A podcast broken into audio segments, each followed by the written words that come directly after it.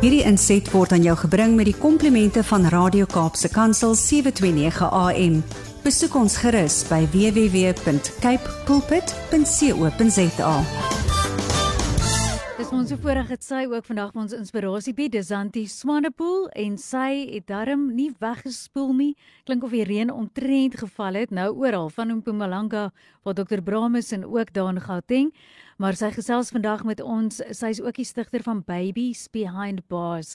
Dis so 'n spesiale projek wat jy ook bietjie meer gaan oplees. Jy kan sommer net gaan Google, sal jy meer inligting kry. En Zanti self is besigheidsvrou. Sy was ook mevrou Verenigde Nasies internasionaal gewees. En ehm um, Zanti, goeiemôre. Dis weer pannekoek weer lyk like, met die hele tyd by julle. Nee, kyk, ons is nou al gepannekoek, hoor? en ek moet vir jou sê, ja, ek is baie dankbaar dat ek met my kar kan ry vandag want ons het so 'n 'n 'n motorboot hier by ons en ek het al gewonder of ek hom moet begin aan die gang kry met om almal net te kry waar hulle moet wees, maar ons mag weet nie ek het op plaas groot geword en ons mag nooit kla oor reën nie. Ja, absoluut. Ek is baie baie dankbaar vir die wonderlike reën wat uit die hemel uitgeval het. Nou ja, nog op 'n spoed uit die kant. Ons sê ook, weet jy, elke dag is so genade vir ons en ons rede hoekom ons nog vandag hier is. So vir ons wat hier is, watse inspirasie kan jy vandag vir ons bied? Weet jy wat? Ek wil ver oggend oor iets praat wat ek dink ons almal soms mee ja, of dalk is dit net ek, maar luisteraar as dit dalk jy is, dan kan jy dalk ook daarmee vereenselwig ver oggend. Jy weet mos dat elke woensdagoggend praat ek eers met myself. Mhm. Mm and if there's anything you can take out of that, it is a blessing for me and then yeah it is as it should be yeah. my theme this morning en waaroor ek vanoggend wil praat is dat ons soms God beperk omdat ons klein voel mm. we limit God because we feel small but then his words say it is through him and when we are weak that he is strong So if you feel that you might be too young to be called, too old to be called, you have too little influence to be called, dan wil ek jou voorstel aan 'n man vir oggend. So rukkie terug het julle in die nuus gesien was daar daai ongelooflike stampede in Seoul gewees, South Korea, waar daar 154 mense gesterf het en as sulke goeders gebeur, dan is dit altyd vir my, ek wonder altyd oor sulke goed. Lauren sê soms vir my ek wonder hopeloos te veel. Maar dan wonder ek nou, wat wat het gebeur of wat gaan aan daar dat daar so 'n groot aanval op so 'n plekkie kan wees. En ek wil vir jou voorstel vandag uit iemand uit daai geweste uitsal. En mag dit vandag vir jou getuienis wees that God can do the miraculous even when you are young feeling small or weak, not being even born into the Christian faith. Mm.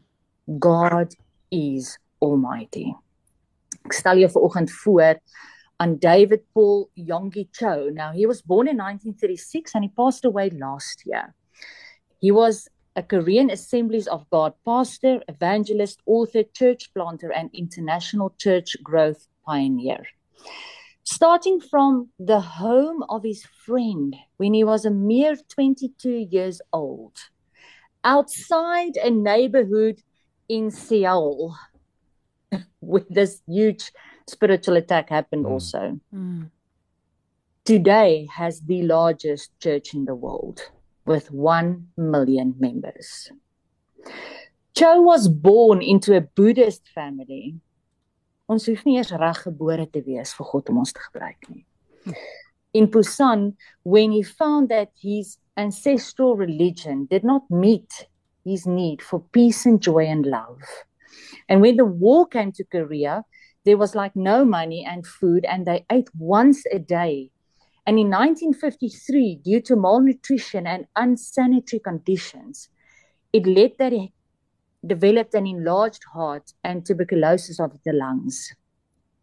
Sent home to die at the age of 17, Cho's father prayed to Buddha, but the young man had little confidence in his father's prayers because he had never seen them answered.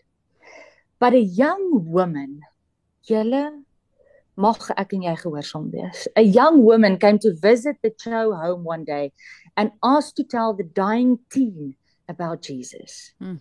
Cho ordered her out of the house, but she returned for several days, each day praying for him, despite his cursing and intimidation. On the fifth day, Cho began to cry and said he wanted to know more about this Jesus that she brought, brought into his home. She left her Bible there and he started reading. And in a weakened state, he walked to an American mission, walked to an American mission and responded to the call and accepted Christ. His family obviously called him an unholy Christian dog, threw him out of the house. But a missionary by the name of Louis Richard took him into his home and began, began to disciple this dying man and encouraged him to look to Jesus for healing. Mm.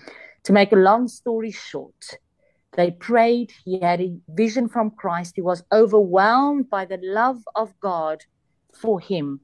And the doctor soon noted that his lungs no longer showed any signs of tuberculosis and his heart returned to its normal size. Ayo.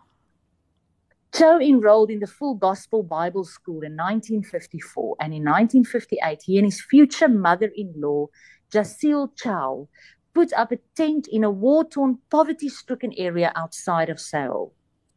There were no seats, only straw mats on the ground. But there she began to pray and he began to preach. And on Sunday mornings, he would go to the top of the hill and cry out over the rooftops, It is time for church. Come to church. The people responded. In three years, they needed a 1,500 seat auditorium. The growth happened so quickly, and the network of his ministries was so exhausting that in 1964 he experienced a breakdown. That happens to many of us in ministry. I want to give you the advice today that it's normal. But then the following happened. He went back to the Bible and he looked at Jethro's advice to Moses in Exodus 18 and he started to divide his membership into geographic, geographical districts and assigned workers as pastors over these flocks. By 1982, there were 12 districts, each divided into 10 to 17 sections with 157 full time pastors and cell groups. Fluent in English, Japanese, and Korean, he broadcast, started broadcasting service, servants over radio and television and soon became internationally known. In 1981, it was reported that his church was growing by 10,000 people per month. But you know what is even greater for me? Is that seven out of 10 were always accompanied by their church neighborhood cell group leader. It was home cell groups that met together, 10,000 per month coming to the new faith. Cho had significant influence worldwide. He taught that prayer lay-led small groups, biblical teaching, and evangelism are essential for spiritual and numerical growth. When he retired in 2008, the membership approached 1 million members with almost 700 pastors. This sickly young man who cursed at the visiting female evangelist had written more than a hundred books on the Christian faith hmm. and left an indelible mark upon the entire Korean nation and yeah. the broader pastoral movement. Ek wil vandag vir jou sê, too young to be called, too little faith to be called, too little influence to call to be called. Because when a 22 year old Yonggi Cho began holding services in May 1958 in Seoul, South Korea, he could never have known God would do through his ministry. Mm. Only five people attended his first service, held in a home of a friend. However, this small gathering grew in size, ultimately developing into the largest Christian congregation in the world up to today. Mm. Never despise small blessings or limit God because you and I feel small we feel burnt out some days. We feel that my life does not matter. Mm. God only needs our availability. He will put His ability, and that will touch the lives of thousands, hundreds of thousands, and millions. Amen. Mm. Dankie Zanti. En weet jy vir ons as gelowiges, dink ek sommer saam met dit ook net weer eens, ons het baie keer 'n prentjie van wie God moet kragte gebruik of nie. En jy weet, hier staan dit ook weer uit dat hy gebruik wie hy wil op sy manier. En nie een van ons is te groot of te klein vir hom te gebruik nie. En baie dankie vir daai herinnering. Dalk het jy wat nou saam luister vandag nodig gehad om dit net weer te hoor. Maar jy kan dit ook gaan luister as 'n potgooi. Dis op ons webtuiste beskikbaar. Jy kan net gaan na 'n blokkie by die potgooi wat sê jou get up and go breakfast en dan sal jy sien al Zanti Swanepoel se vorige potgooi is ook daar beskikbaar. Zanti, ek dink jy mag maar elke dag pannekoek, maar dit klink vir my julle is al uitgepannekoek. So nou is dit maar rooi spanne en miskien moet jy maar daai boot uitvat. ek ek dink daai ding hoor, maar ek glo en prys die Here vir die sonskyn vandag. nou ja, geniet dit ons gesels weer volgende week met jou. Dankie julle tata. Hierdie inset was aan jou gebring met die komplimente van Radio Kaapse Kansel 729 AM. Besoek ons gerus by www.cape pulpit.co.za.